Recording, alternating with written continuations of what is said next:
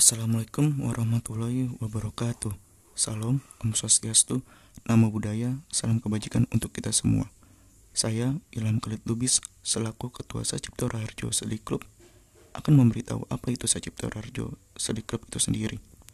Sacipto Raharjo Study Club didirikan oleh beberapa mahasiswa Fakultas Hukum Universitas Barujaya yang ingin terus melestarikan pemikiran dari Prof. Sacipto Raharjo SH mengenai hukum progresif.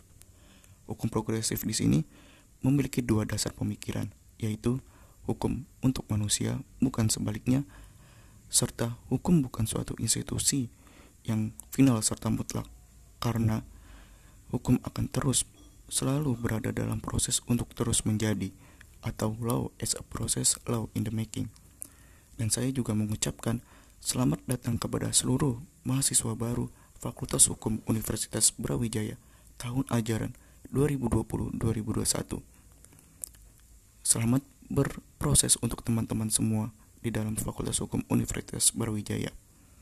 Dan untuk teman-teman yang ingin terus mengetahui informasi tentang Sacipto Raharjo Sadi Club, teman-teman dapat memfollow akun Instagram dari Sacipto Raharjo Sadi Club di Instagram teman-teman. Sekian dari saya. Wassalamualaikum warahmatullahi wabarakatuh.